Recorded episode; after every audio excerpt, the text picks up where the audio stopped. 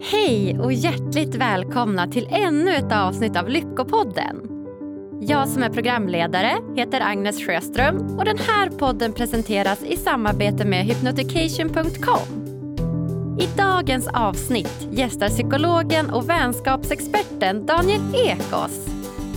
Innan avsnittet hade jag äran att få bli coachad av honom genom en social meditation.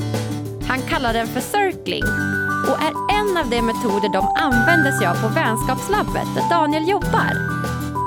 Meditationen kommer ni att få lyssna på som ett extra avsnitt och det släpps redan nu på lördag. Jag hoppas att ni kommer att gilla det lika mycket som jag. I dagens avsnitt pratar vi om varför vänskap är en viktig nyckelkomponent till lycka. Hur man fördjupar relationer och viktiga nycklar till ett välmående liv. Här kommer ett riktigt, riktigt toppenavsnitt.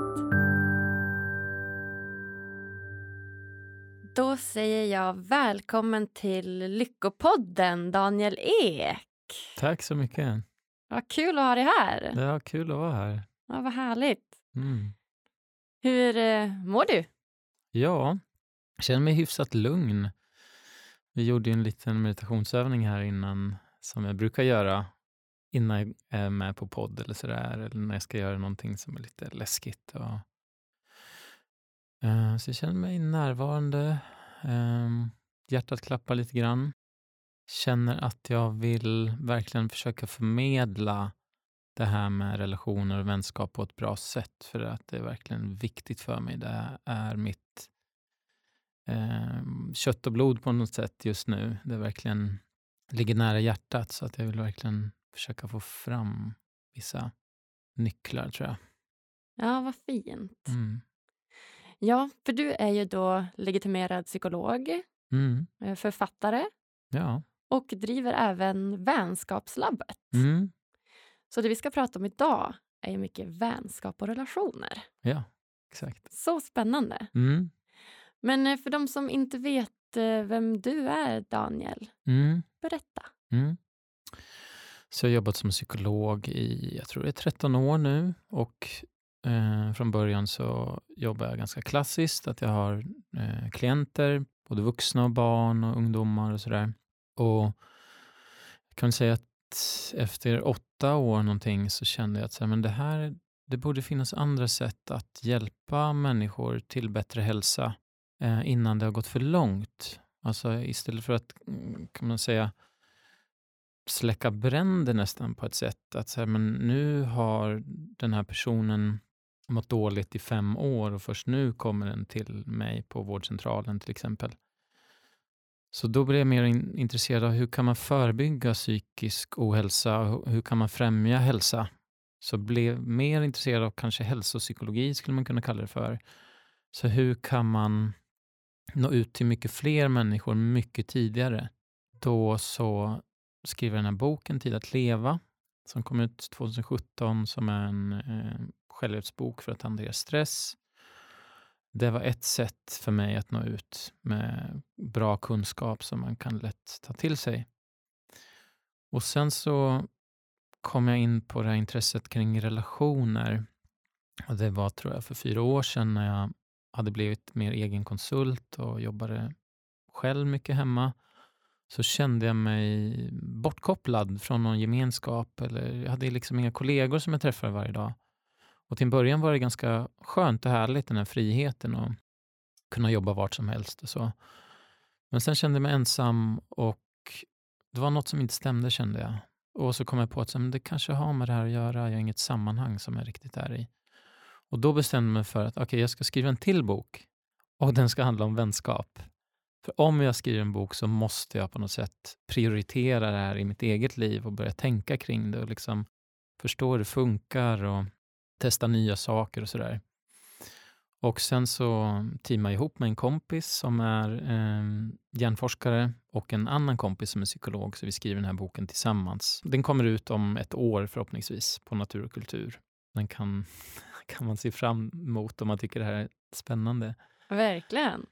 Men jag skulle vilja säga att ja, men ju mer jag har förkovrat mig i forskning och studier kring vänskap så blir det väldigt tydligt att det här är ett område som dels vi tar för givet, att vi vet hur vi ska göra, vi ska bara lära oss på något sätt, men vi får ingen riktig kunskap i det i skolan. eller sådär. Man ska bara lyckas få vänner på något sätt. Så det är mycket som är osagt och mycket som inte är upplyft till ytan som är bra kunskap som man kan använda sig av.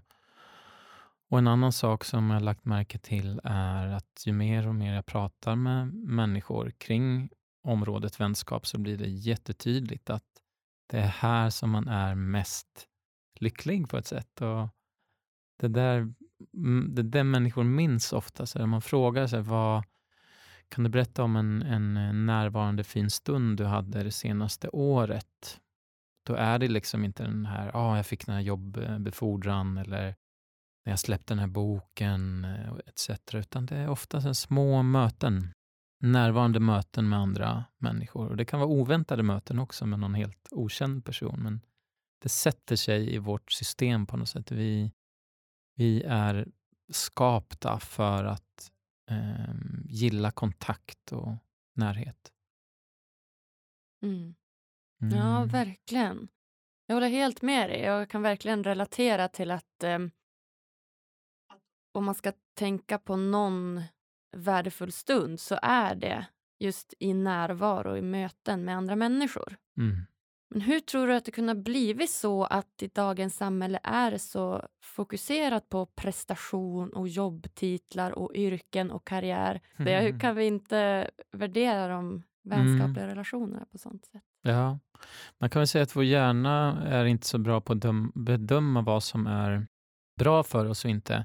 Eh, den tittar lite mer på kortsiktiga belöningar ofta, eh, men också kanske mer mentala belöningar. Så att gillar att eh, bli stärkta i vår identitet och på ett sätt så kan man också se att vi mår bra av att ha en Eh, om, man, om man tänker sig, det här, det här kanske är lite krasst att tänka så, men om man tänker sig att eh, en flock av djur där finns det eh, vissa eh, djurmedlemmar som har högre rang eller högre, står högre i hierarkin på något sätt.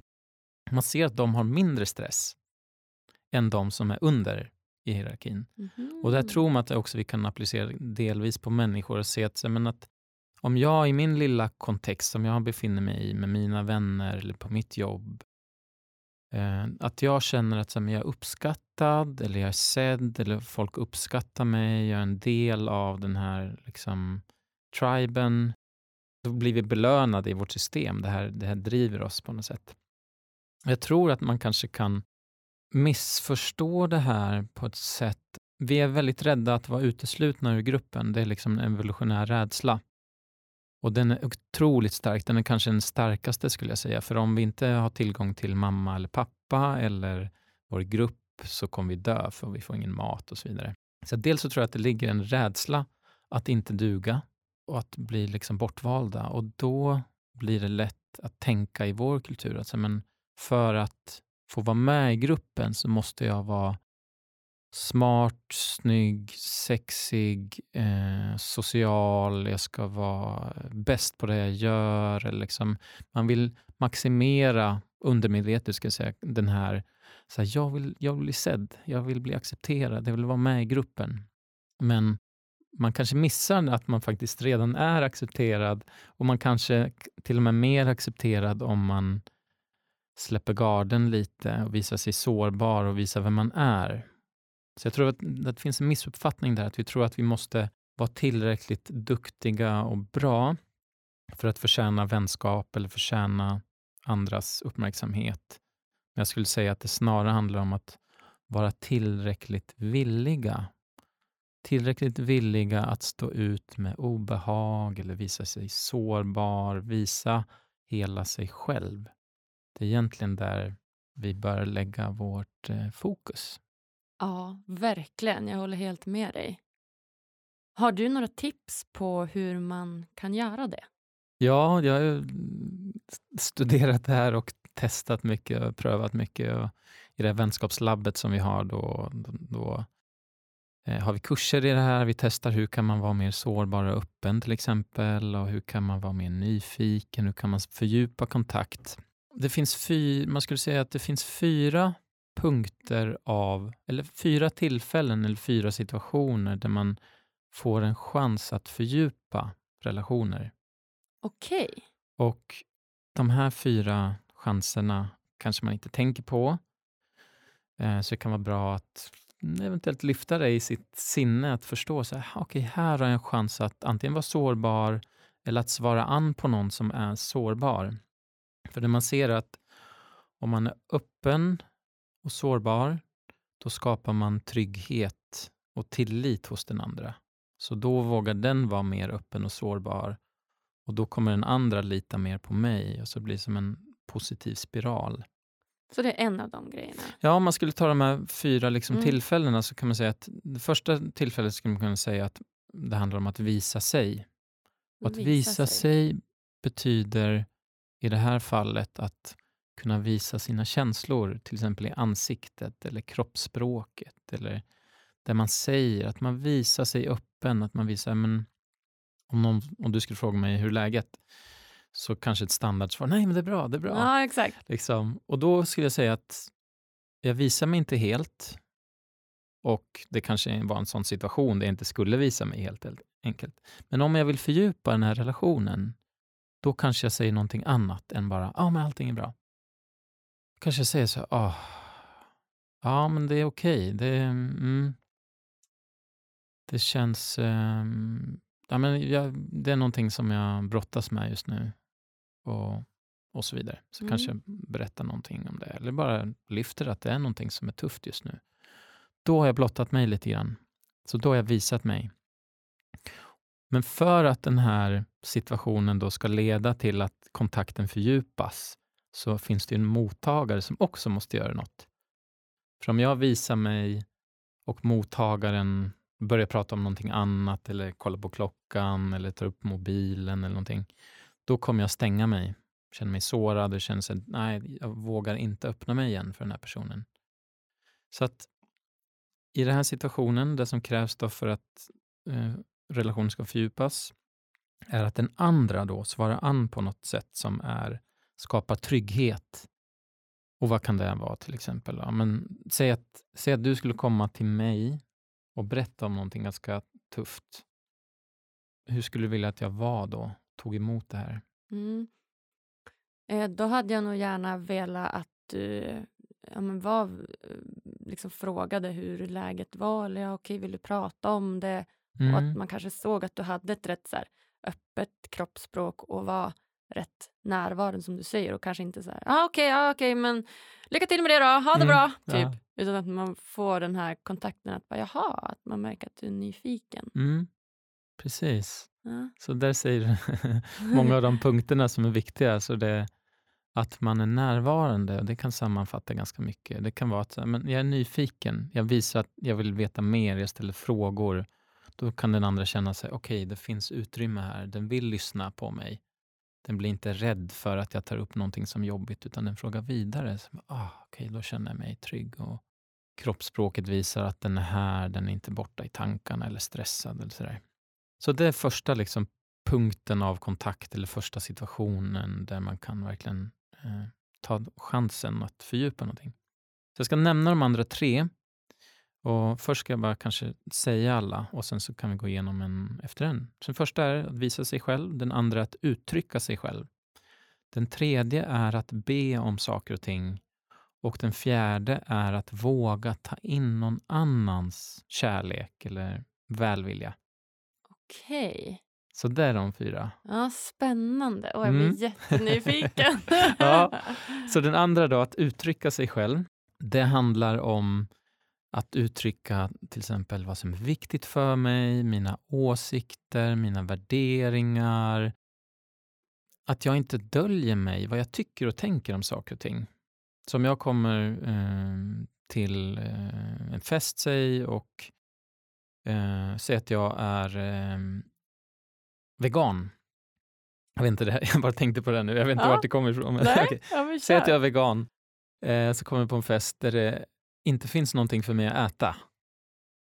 Och det här känns kanske jobbigt för mig och egentligen skulle jag vilja fråga om, eh, om det finns någonting jag kan äta eller liksom få hjälp på något sätt. jag gör inte det. Eller om någon frågar mig, så här, hur är läget, vad gillar du maten? Så kanske jag bara säger, ja, ja men det var, det, var, det var jättegott. Eller ja, det är en härlig tillställning. Liksom, jag vågar inte visa att jag behöver någonting. Just det, det känns ju väldigt vanligt. Ja, ja precis. Man kanske vill vara artig och inte störa på något sätt. Och, och då på ett sätt så, man kan säga i alla de här fyra tillfällena så finns det alltid en risk. Så risken här är att här, om jag uttrycker att så, vet du vad, jag är vegan och eh, kunde inte äta någonting här. Då finns det ju faktiskt en liten risk, även om jag kan känna att det är ganska tryggt, men det finns alltid en liten risk att tänk om den andra svarar an på ett sätt som är liksom lite jobbigt för mig. Som kanske ifrågasätter, varför är du vegan? Eller vadå, ska du inte ha lite kött? Eller vadå, det är inget farligt med lite ägg? Eller liksom så, här.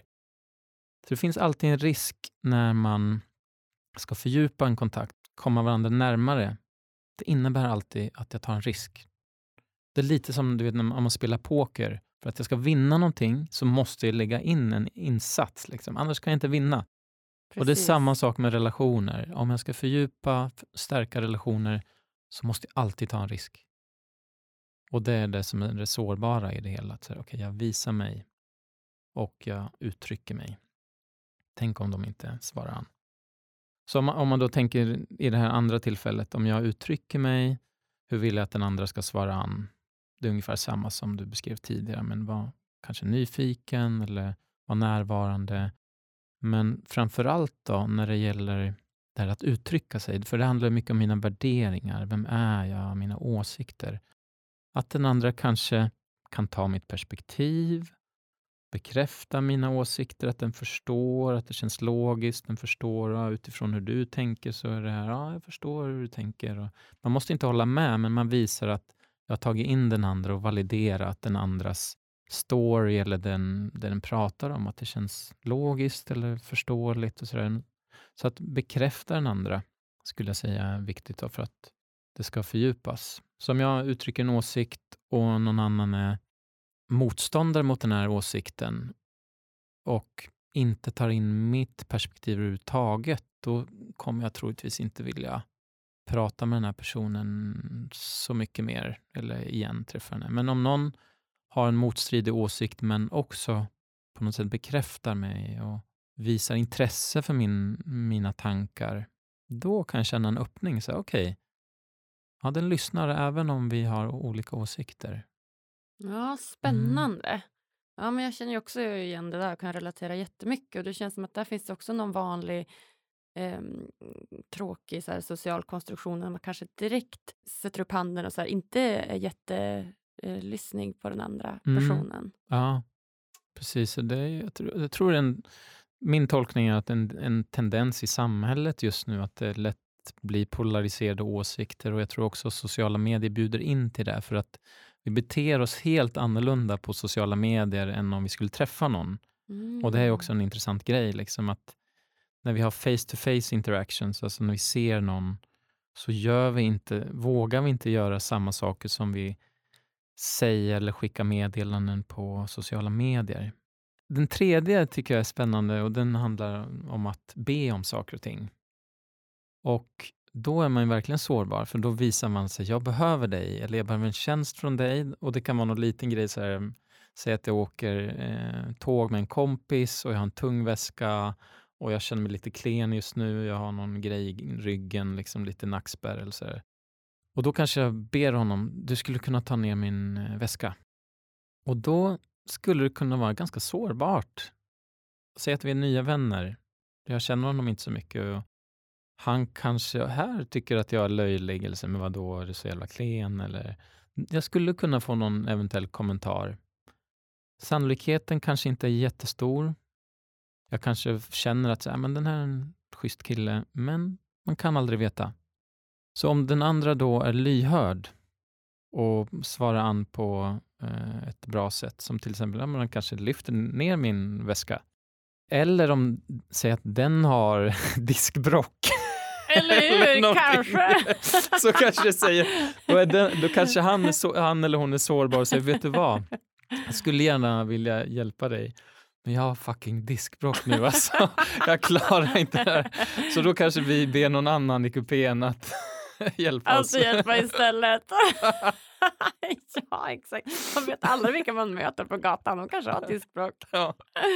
ja, det var en rolig referens. Ja, jag vet inte var vart det kom ifrån. det var jätteroligt. Men eh, i alla fall att be om tjänster eller be Ja. om det kan vara be om lov, det kan, vara, eh, det kan också vara att säga nej till någonting. Så vet du vad, det här vill inte jag eller det här känns inte bra. Eller på något sätt att visa ett behov kan man säga. Ja.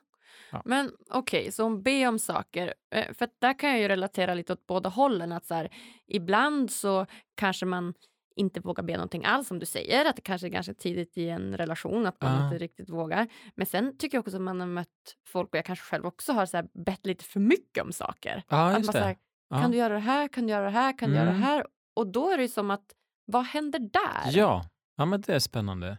Så alla de här kan ju bli för mycket. Ja. Det kan ju bli så här, jag uttrycker mig för mycket och tar mycket Ja. plats och bara mina åsikter kommer fram. Bara jag är eller, viktig. Ja. eller jag visar mig hela tiden vad jag känner och går och gråter och visar ja, på jobbet. precis.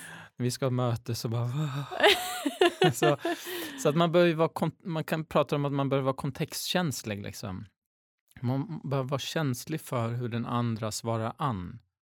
Okej. Så om jag hela tiden ber om saker och ting så borde jag märka att du kanske blir eh, irriterad eller att det känns jobbigt. Eller jag borde vara medveten om att så här, nu är det lite obalans här.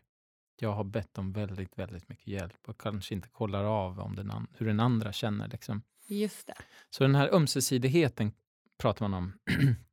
den är en liksom faktor som kan eh, göra att relationen bryter eller göra att relationen verkligen håller i längden. Och det, det är den här en känsla av att givande och tagande, att det liksom är en balans i det. Ja, jag fattar. Och det är inte så millimeter liksom eh, Noga. noga, utan en känsla av att så, men vi har ett samspel här där du bjuder på olika saker. Du kan bjuda på dig själv, eller du bjuder på middag, eller hjälp, eller liksom närvaro eller tid. Och jag och min sida kanske bjuder på liknande saker eller andra saker. Jag kanske är jätteduktig på, om man säger att jag är psykolog, okej, så kanske jag eh, ibland med dig så verkligen hjälper jag dig att guida dig till olika saker som är viktiga. Eh, det kanske är det jag ger liksom, i den här relationen. Men man har en känsla av att så, men, jag får ut någonting här. Det är inte bara jag som ger. Och om man känner att man träffar en person som, alltså en sån som ofta frågar om eh, tjänster, liksom. Mm. hur gör man för att eh, hantera det på ett snyggt, vänskapligt vis? Det Jag tänker så det, of, det vi ofta gör är att rygga tillbaka, alltså att vi långsamt kanske drar oss iväg eller låter den här vänskapen rinna ut i sanden för att det är obehagligt att liksom säga till eller säga ifrån eller uttrycka vad vi känner. Så det första är väl egentligen att bli medveten om, har jag några sådana relationer där jag kanske egentligen skulle behöva säga något, men det är obehagligt. Och istället så går jag kanske på min egen kammare och dömer den andra. Så jag har tankar om den andra, så, men det här är så jobbig, han, han eller hon de tar så mycket plats och de ser inte det här och de har ingen känsla för ömsesidighet. Jag, jag går liksom och gaddar upp mig på min egen kammare. Och det skulle jag säga att det är aggressivt. Det är mer aggressivt än den andres beteende att hela tiden vilja ha hjälp. För att man klipper kontakten då. Precis. Jag ställer mig över den andra och säger att så vet du vad, mm, jag kan nog se det. Jag ser hur det egentligen är och vad du håller på med. Så jag tänker inte vara med om det där. Ja, ja. Men jag Ja. kan verkligen relatera. Du vet. Och så får man ju höra det här mycket att så här, man ska bara umgås med folk som ger en energi. Ja. får man oftast höra. Ja, Eh, och typ inte vara så mycket med folk som då inte bidrar med så mycket energi. Mm.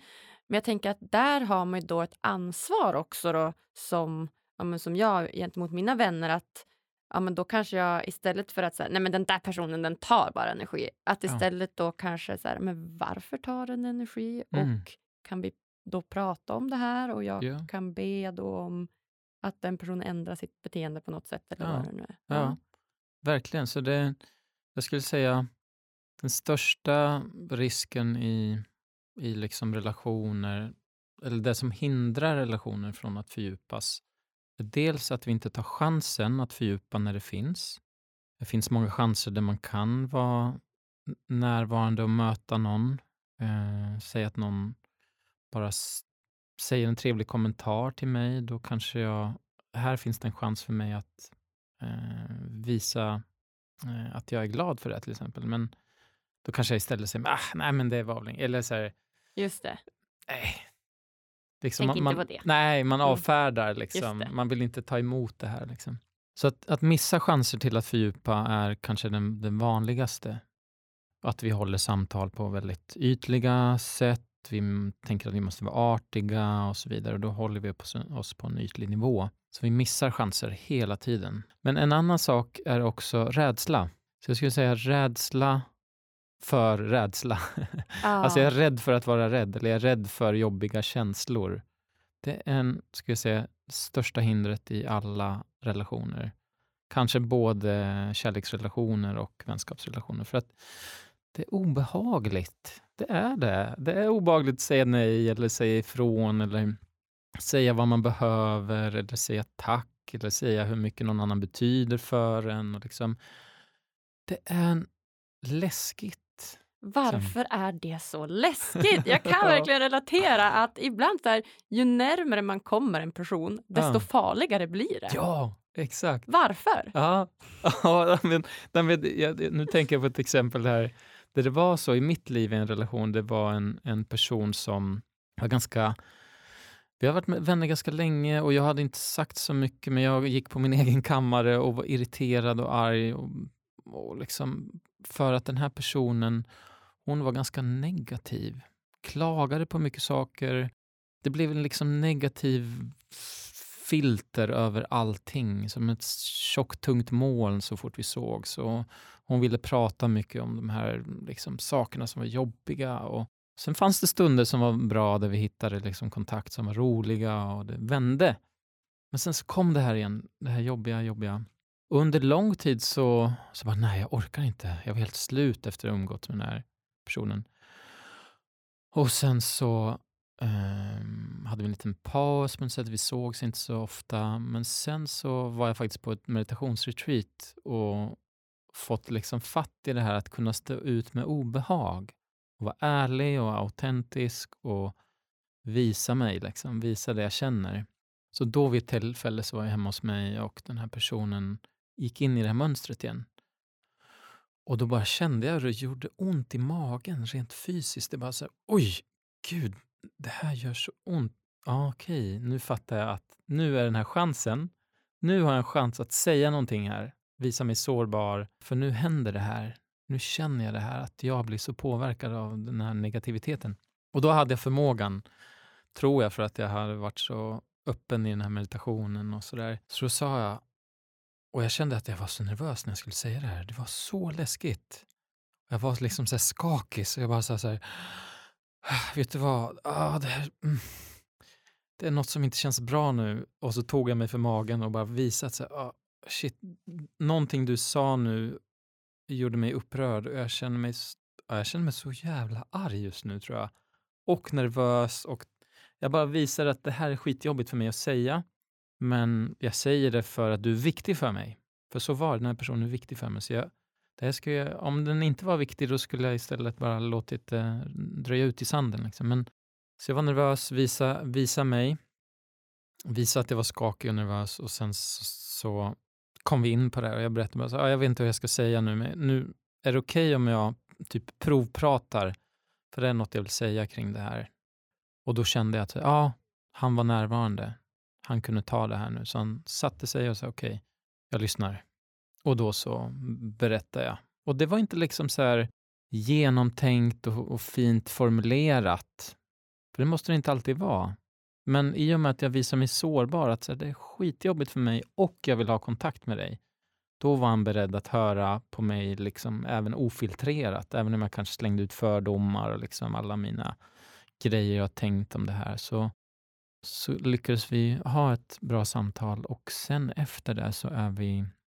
Eh, vi är, vår vänskap är kanske en av de starkaste av dem alla efter oh. den här incidenten, eller vad man ska säga. Ja.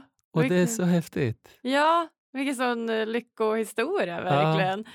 Men jag förstår ju att det tog emot. Jag fick nästan också en klump i magen när jag hörde att skulle börja prata om sådana där saker med sina vänner. Eller på säga. Ja. Ja, nej men verkligen. Gud vad spännande. Mm. Och den sista punkten Mm, vi hade då? Sista punkten. Den kanske är det mest spännande, tycker jag i alla fall. För den är, jag tror alla kan känna igen sig mer eller mindre. Men det är att det här släppa in kärlek. Så när någon annan gör någonting för mig, som kanske bara håller upp dörren eller tackar för någonting eller bara ger mig eh, ögonkontakt eller säger hej eller visar nyfikenhet eller frågar hur det är och verkligen visar att den är intresserad. Liksom, det finns så många stunder där människor är vänliga. Hundratals varje dag. Men vi missar dem ofta. Mm. För att det kanske är lite obehagligt att ta in den andra fullt ut. Så om någon är vänlig mot mig så kanske jag inte noterar att det den här personen egentligen gör, skulle jag säga, under ytan är att den söker kontakt. Den visar att den gillar dig på något sätt och det finns en chans här att skapa kontakt. Om du som svarar an då kanske noterar att ah, den här vill mig något eller den här vill ha kontakt eller den visar sig. Så den är sårbar. Om jag stannar upp då och säger oj, nu är den här personen sårbar och den vill ha kontakt. Och sen kanske jag har ögonkontakt och säger men, ja, tack så mycket. Jag har inte tänkt på det, men ja, jag känner mig väldigt glad när du säger det. Och sen kanske jag säger någonting till den personen. Bara så, men, ja, det här var skönt att höra. Det här gjorde min dag. Eller liksom. så det här var verkligen det bästa som hände idag. Eller, det kanske man inte skulle säga till alla. men, Men- nu Nej. överdrev lite ja. tror jag. Ja, men jag Men, eh, fattar poängen ändå. Att verkligen ta in och släppa in i kroppen, ska jag säga. Att bara säga, ja men gud vad snällt och tack så mycket. Utan att känna det i kroppen, då har jag inte riktigt tagit in det. Mhm. Så det är en viktig poäng, att hur kan jag släppa in det här i kroppen? Även om jag kanske, det som ofta händer om någon är, verkligen visar någonting som är så här, du, jag tycker du är så himla snäll och att du tänkte på den här saken, det gjorde mig verkligen varm, jag känner mig verkligen sedd av dig. Och då kanske man repetitivt eller automatiserar, ja, men vad fint. Mm. Men man tar inte in det och känner det i kroppen. Eller så kanske det kommer tankar i mig, men ja, fast jag brukar inte vara så där. Det, det, det här var bara en tillfällighet att det blev så, att jag var så, liksom, jag kanske inte säger det till den personen, men jag tänker i mitt huvud att säga, ja, ja, men den skulle bara veta hur onärvarande och jobbig jag är i andra situationer. Ja, precis. Så att jag går i, i clinch med den här liksom, kommentaren. Men då kan man tänka här, men den här perso- för den här personen i den här stunden så var det en viktig sak som du gjorde. Mm. Kan jag ta in det i kroppen? Även om min hjärna säger andra saker. Så kan jag just den här stunden ta in att för den här människan så var det viktigt. Vi skulle kunna testa det här. Okej. Ta in i kroppen. Ja, vad spännande. Jag vet knappt hur man gör det. Men Vi kan provar. testa först Ja. eh, att du bara gör som du brukar göra. Jag vet inte Ja. hur du brukar göra, men om jag eh, säger så här. Ja, jag kände verkligen att när jag mötte dig idag så fick jag sån varm blick av dig och det kändes väldigt skönt. Jag kände mig direkt lugn. Det var någon slags, jag är välkommen hit och jag känner så här, ja men vi behöver inte stressa utan du var här på något sätt. Ja, då skulle jag ju säga tack detsamma. Just skulle det. jag säga direkt då. Ja. För då hade jag så här kunnat relatera till det. Att så här, men gud, jag kände ju Ah. samma sak. Ja, just det. Så då hade jag nog kanske, ja, men då, då kanske jag ändå hade känt det i kroppen. För jag Ja. hade ju också den känslan av att så här, ja men du kom hit och vi var väldigt lugna och det var väldigt närvarande. Mm. Ja, så jag hade nog så bollat tillbaka det direkt och bara, detsamma. Ja, just det. Ja. Och där finns det ju, där kan det ju vara, så här, om du bollar tillbaka snabbt, då kanske inte du hinner känna min eh, kommentar eller tacksamhet. Så om vi Ja. testar nu då, att Okej. du går in i kroppen och bara så här, öppnar upp alla celler i din kropp och bara tar in det jag säger nu då. okej. Så vi testar igen då. okej. Så när jag kom i morse så jag kände mig väldigt tacksam och känner mig berörd nu när jag säger det också. Att det var någonting i din blick som här, men du är välkommen. Det finns tid. Jag är här, jag lyssnar eller jag finns här. Eller jag stressar inte. Eller som att du att det var viktigt för dig att välkomna mig med en närvaro. Ja, tack snälla. Jag är jätteglad. ja, men det känns ju jättefint att höra. Och det blir som att man blir lite varm och pirrig och glad av det. Ja. Ja, jättefint. Ja. Ja, Ja, så då, och nu känner jag att när du stannar upp lite, eh, istället för att bolla tillbaka Ja. direkt, så stannar du upp lite och beskriver hur det var för dig att ta emot min gåva här. Det var ju på något sätt en gåva. verkligen. Då känner jag så här, ah, hon tog emot gåvan. Då kan jag släppa den liksom. Det är som, Okej. ja, men du vet, om, Jag om man, fattar. om man eh, har tänkt på en present man vill ge till en kompis så kommer man och ger den och man har liksom så här, tänkt igenom den och så ger man den och så kanske den säger så här, ah, nej, men det behövde du inte, den är, nej, är så onödigt, eller men ah, ja tack. Hur känns det då?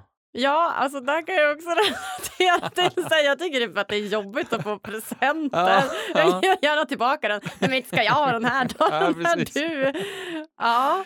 Ja, vad Du- spännande. jag märker vad jag ja. behöver träna på själv här Ja, verkligen. spännande. Ta emot, eh, Ja, ta emot andras eh, Mm. komplimanger eller gåvor. ja. Mm. Så det är, om det är någonting man ska öva på eller liksom testa som man kan ganska snabbt öva upp så är det just det. Mm. För det är många stunder under dagen som sådana saker händer. Bara någon tittar på en eller säger något vänligt, håller upp dörren eller ger tid och närvaro. Och bara notera för sig själv, ah, nu är den andra, den har en liksom vänlighet mot mig eller den, Mm. den eh, vill vara närvarande med mig eller den, den ger mig någonting nu. Kan jag uppmärksamma det bara någon sekund i mitt sinne? Så nu händer det här. Verkligen. För där kan jag också relatera till att jag har haft någon vision om att jag ska börja ge mer.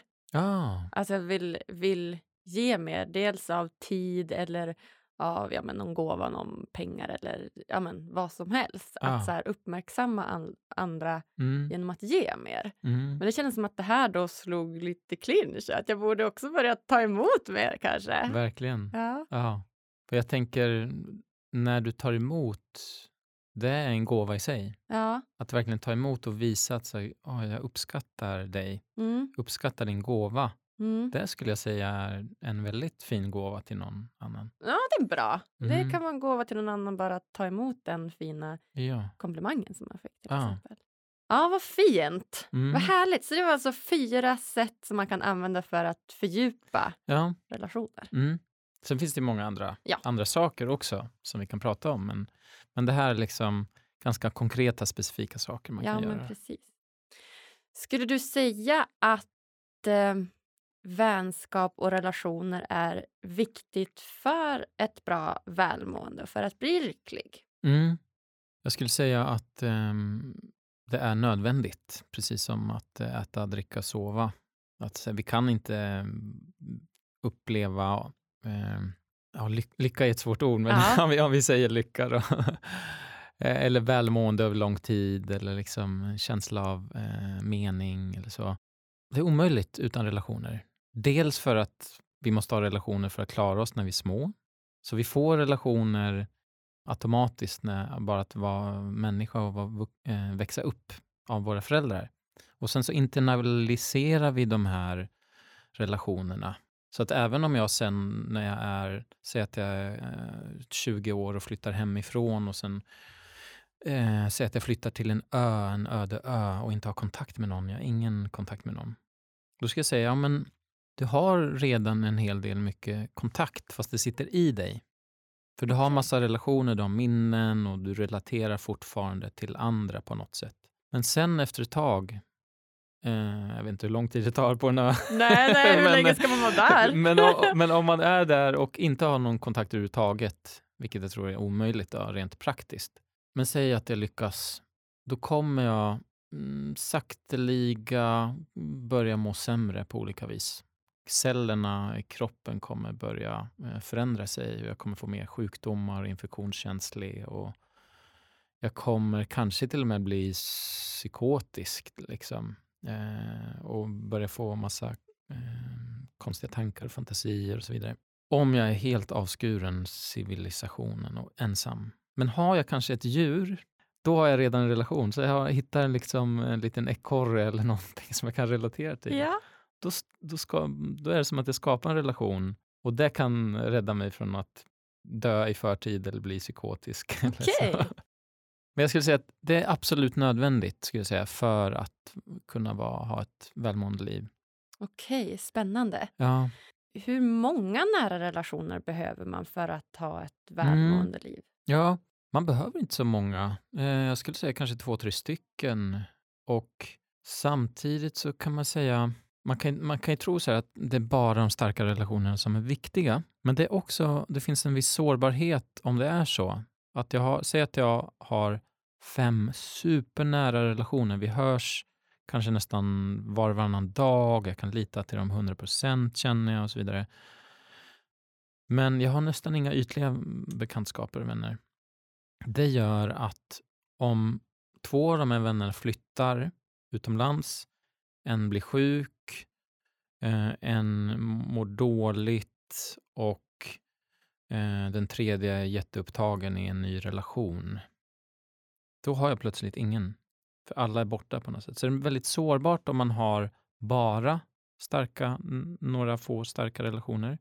Så man ser att det också är viktigt att ha ytliga bekantskaper, lite mer ytliga vänner, för då finns det ett nätverk av där jag kanske kan få tips och råd kring saker, jag kan få nya vänner, kan fördjupa flera nya vänskaper, jag får tips om events, eh, jag kanske snubblar in på något jobb som någon pratar om, eller eh, jag söker en lägenhet och då kan jag lägga ut något på sociala medier och sen så får jag liksom förslag och så. där Så att vi kommer fram lättare i livet om vi har också eh, ytliga bekantskaper. Spännande. Mm. Så att vi behöver egentligen både sådana nära vänskapsrelationer och även Ja, ytliga bekanta. ja. Ja. Sen kan man ju säga att de, de starka relationerna skulle jag säga kanske är viktigast på ett sätt. För att där är, om, om man tänker hur definierar man starka relationer utifrån studier och så där man tittar på, ja, men då säger man att det är relationer där du känner stöd av något slag som kanske är psykologiskt eller emotionellt eller finansiellt, alltså ekonomiskt på något sätt. Att det kan vara dina föräldrar eller kanske vet att om jag hamnar i knipa så kanske jag kan låna lite pengar av den här personen eller den kommer stötta mig eller jag kan få bo hos den ett tag. Eller sådär. Psykologiskt, emotionellt, eh, ekonomiskt stöd eh, men också bara praktisk hjälp. Så här, men någon, jag ska flytta och så behöver jag hjälp och då vet jag att de här personerna kan hjälpa mig. Eller jag behöver köpa ett stort bord och låna en bil och har inget körkort. Någon kan hjälpa mig och så vidare. Så det är ganska simpla grejer. Det är liksom ingen så här jätteflashigt, häftigt. Utan verkligen känna att så här, om det går åt helvete på något sätt, om det, om det skiter sig i mitt liv på något sätt, så vet jag att det finns några som jag kan känna tillit till. Och det är jätteviktigt. Det är fint, Ja, verkligen. det finns ett skyddsnätverk för mig. Ja. På något sätt. Så att en eh, viktig del av att stärka relationer är just stöd då, på olika sätt. Ja, Finns det några fler viktiga komponenter som kännetecknar en stark relation, en Mm. välmående relation? ja. Mm. Jo, men det är, man har frågat ganska många människor i olika studier. Hur, liksom, vad upplever du är viktigt i vänskap? Vilka kvaliteter? Hur, om du tänker på dina vänner som du är närmast, hur är de? Och så vidare. Och då kommer man fram till några olika faktorer. Och det ena är positivitet. Motsatsen till det är ju liksom att någon som klagar, bara pratar om negativa saker eller skvallrar om andra eller liksom är allmänt orosmoln eller liksom negativitet. Men om vi stannar där snabbt Mm. då. För att eh, där kan jag relatera lätt till att jag träffar så mycket nya människor Mm. och då blir det lätt att man först börjar gå igenom det här, ja men jag heter det här, jag jobbar med det här, min barndom ser ut så här, att man går igenom de här Mm. vanliga grejerna. Mm.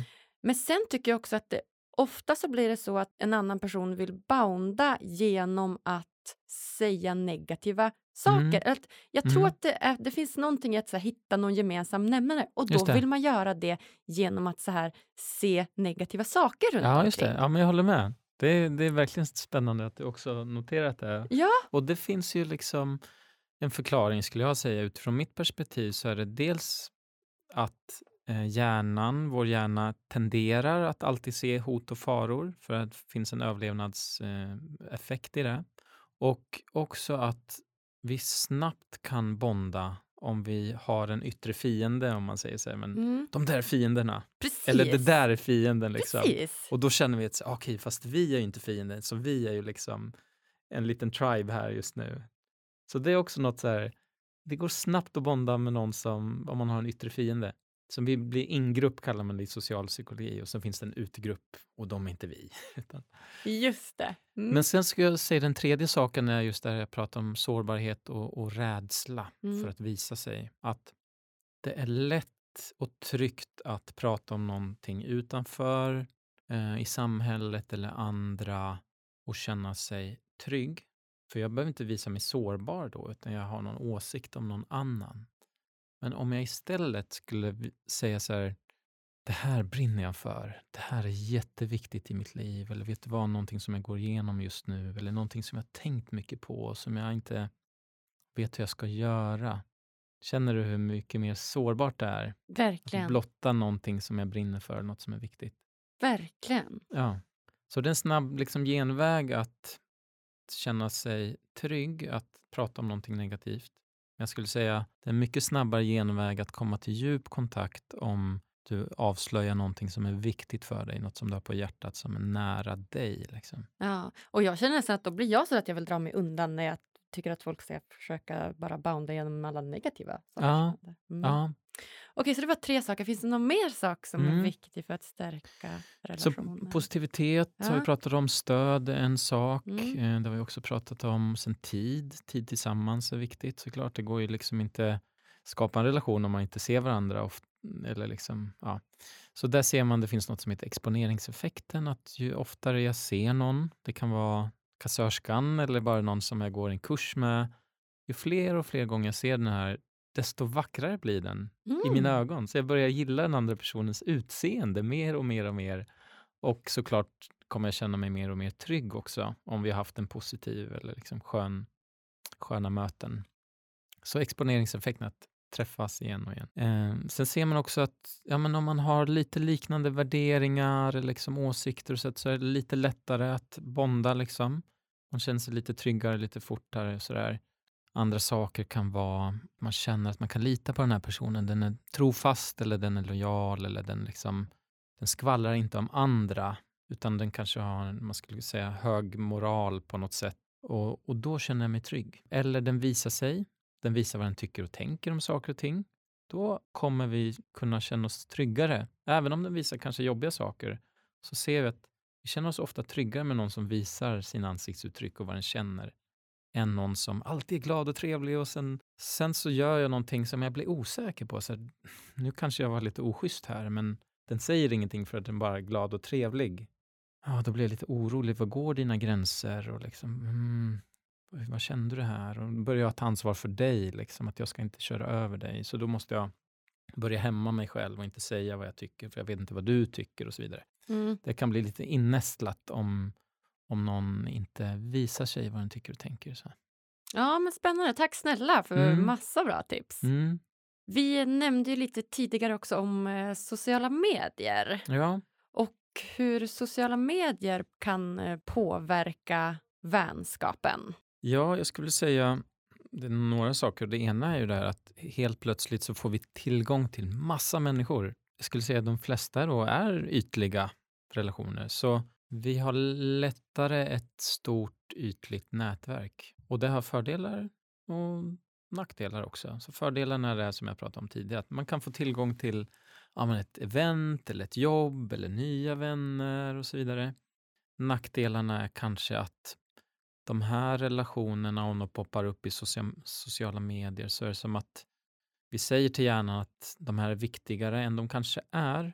Så att vi lägger kanske mer tid på onödiga relationer som vi inte skulle ha om vi inte hade sociala medier. Ta, vi har ju bara en viss tid, så det kanske tar då tid från att fördjupa relationer med några stycken som jag verkligen vill komma nära. Så det är en, ska jag säga, en, en eh, nackdel. En annan nackdel är att det är vikten av face-to-face interactions. Ansikte mot ansikte har några positiva fördelar som eh, textkommunikation inte har. Och det ena är det här som vi sa, att här, men när man skickar text så kan det vara liksom otydligt eller ambivalent. Man vet inte vad den andra menar. Man kan missförstå väldigt lätt, men man kan också lätt slänga iväg ett litet så här, mm, liten pik eller en liten elak sak eller få en impuls, går och tänker på någonting och någon som har sagt något elakt och sen bara mm, skicka iväg ett litet tryckt sms eller liksom istället för att möta den här personen och beskriva vad man känner. Så att det kan lätt bli så här, istället för att mötas och ta konflikter så har vi konflikter online. Verkligen. Och det, det känns säkert. Det är lite Mm. som att säga, okej, vi ska bomba Irak, eh, men jag vill inte vara där, så jag bara trycker på en knapp så, så får det ske där borta. Liksom. Ja men verkligen. Det känns ju verkligen som allt det här med näthat och sociala medier har ju verkligen spridits så att man nästan uttrycker ja, men Ja. mer då känslor bakom skärmen då. Kanske Ja. att vi är rädda och för att det är lättare Ja, än att ta det face to face. ja. Och, och om man skulle göra det face to face så skulle det inte se ut så som på smsen. Nej. För när du har någon framför dig så är det lättare att se att det finns en människa där, den har känslor. Om jag säger någonting nu så kommer den kanske bli upprörd och då kommer det vara obehagligt för mig också. Och det blir liksom en pingpong-effekt som vi inte får på, på samma sätt på sociala medier. Då. Nej, precis. Och just det här med alla emojisar.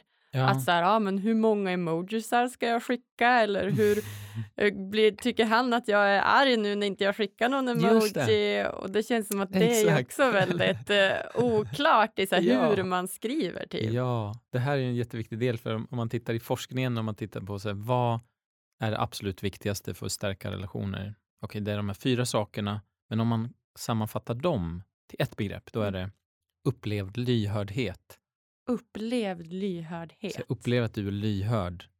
Men för att jag ska veta att du är lyhörd så måste jag kunna se dina ansiktsuttryck och liksom vad, alltså vi tappar ju det i sociala medier eller när vi skickar text.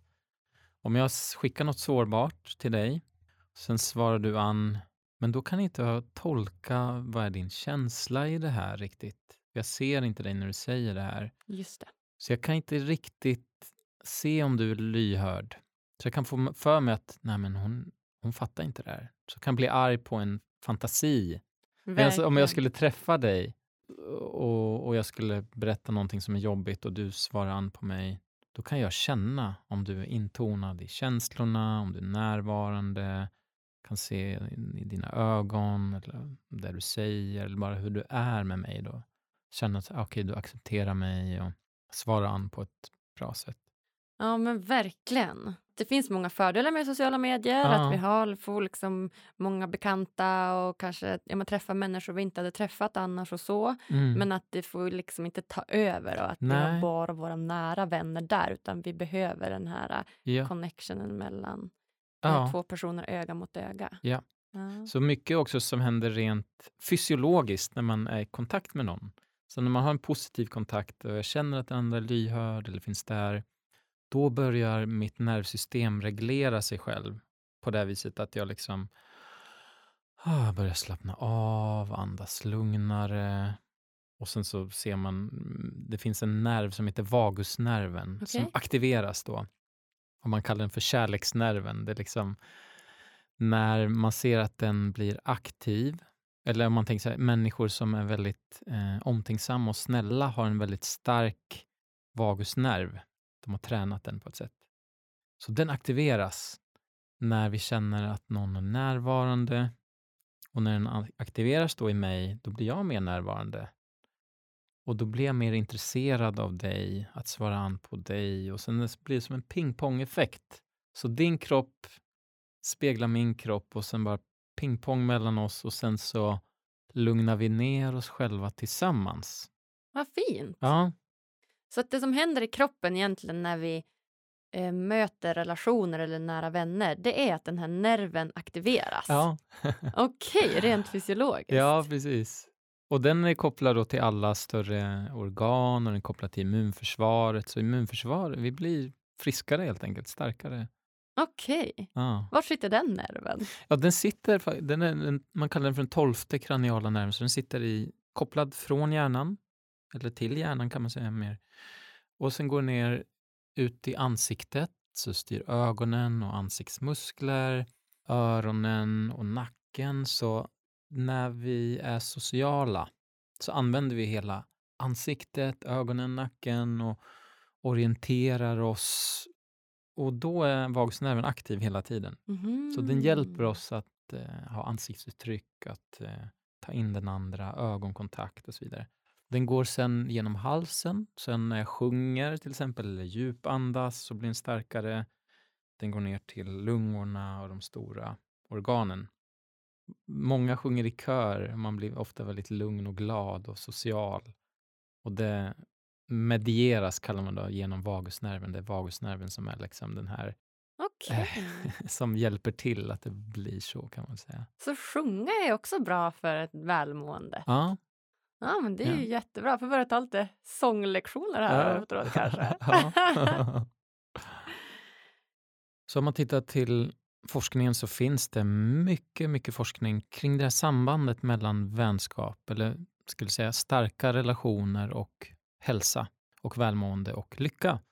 Så en av de mest klassiska studierna som fortfarande pågår, eh, det är en Harvard-studie Eh, där man föl- följer fortfarande, jag tror det är 200 män i Bostonområdet och man har följt dem i drygt 70 år nu.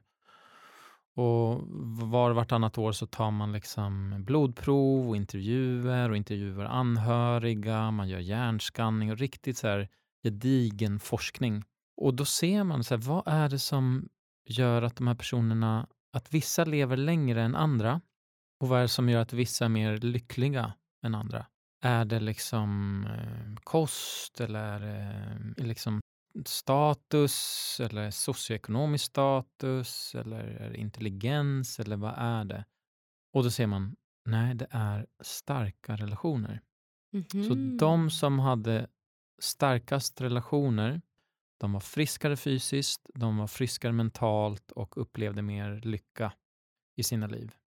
Starkare, det här sambandet starkare än vad lycka är till motion, Mhm. kolesterolhalt, hur mycket droger jag tar, socioekonomisk status, vart jag bor någonstans och så vidare. Och så vidare. Det är liksom jättetydliga, starka samband.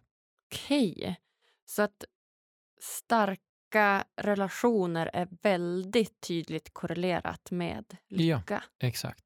Gud vad spännande eh, Daniel. Det här Mm. kan man ju prata om i Ja. hundra år. Ja. vad är lycka för dig? Mm.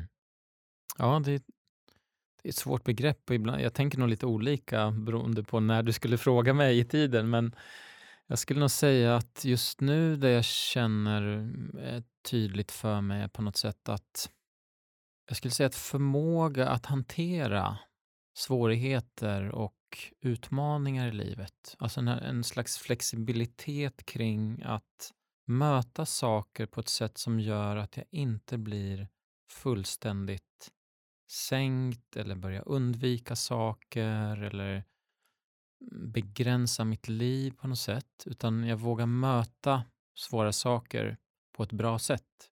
Som att söka hjälp eller ta stöd av vänner eller prioritera saker som verkligen är viktiga, som vänskap till exempel. Så den förmågan eh, att, att kunna hantera livet Inom psykologi kallar man det för psykologisk flexibilitet. Jag ska inte gå in mer på det, men det är liksom ett nördbegrepp. Och det ser man också kopplat till då välmående.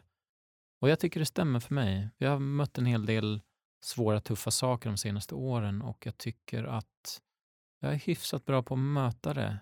Och den här förmågan gör att jag håller mig över vattenytan trots en del motgångar på olika plan. Ja, men spännande. mm. Har du några tips på hur man gör för att hantera olycka eller motgångar?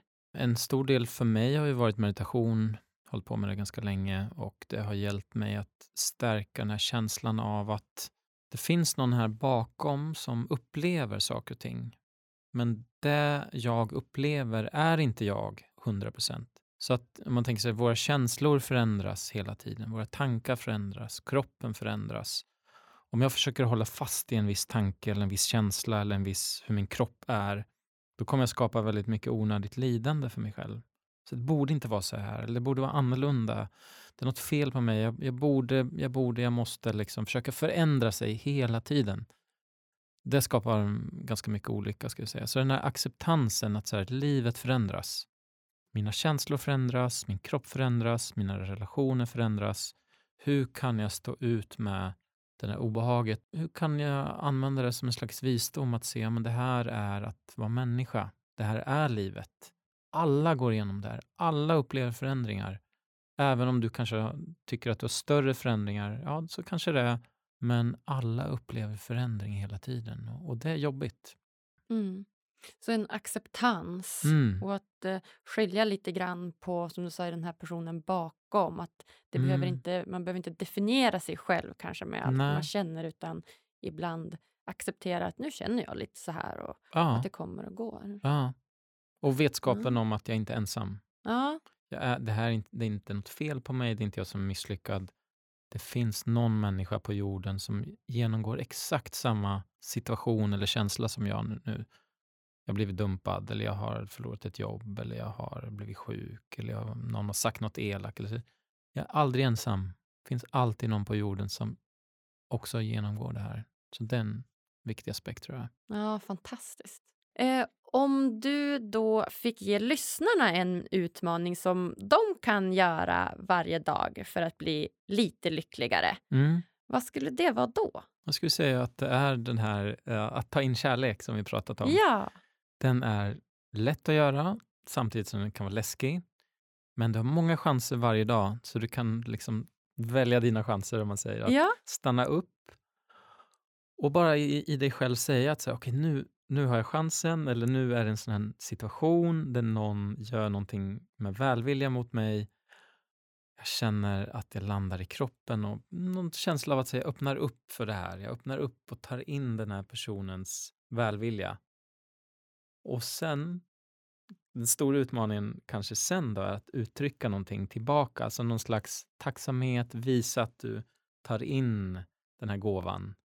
Lite som du gjorde här, att så här, Mm. ah, vad glad jag blir, nu känner jag mig varm och jag känner så här. Mm. Ja. Ja, vad fint. får ni Mm. prova allihopa där ute. Mm. Mhm. Vem hade du velat eh, se gästa Lyckopodden? Jag skulle säga Katarina Blom. Ja, vad spännande! Tack snälla Daniel för att du kom och gästade oss. Det har varit helt fantastiskt trevligt. Tack. Jag vill bara säga en sak till. Självklart. Jag kan ändå sluta prata. Jag är singel. Daniel Ek är singel allihopa. Vi kan ju lägga in ditt nummer här också på slutet så man kan ringa till dig. Om du vill ha djup kontakt. Ja, precis. Djup kontakt och närvaro så ring till Daniel. Yes. Fantastiskt. Tusen, tusen hjärtligt tack alla ni som har lyssnat. Visst var det här jätteinspirerande? Kom ihåg att prenumerera och ge oss tummen upp om du tyckte det här var lika bra som jag. Följ oss gärna på sociala medier. Där heter vi Lyckopodden. Puss och kram!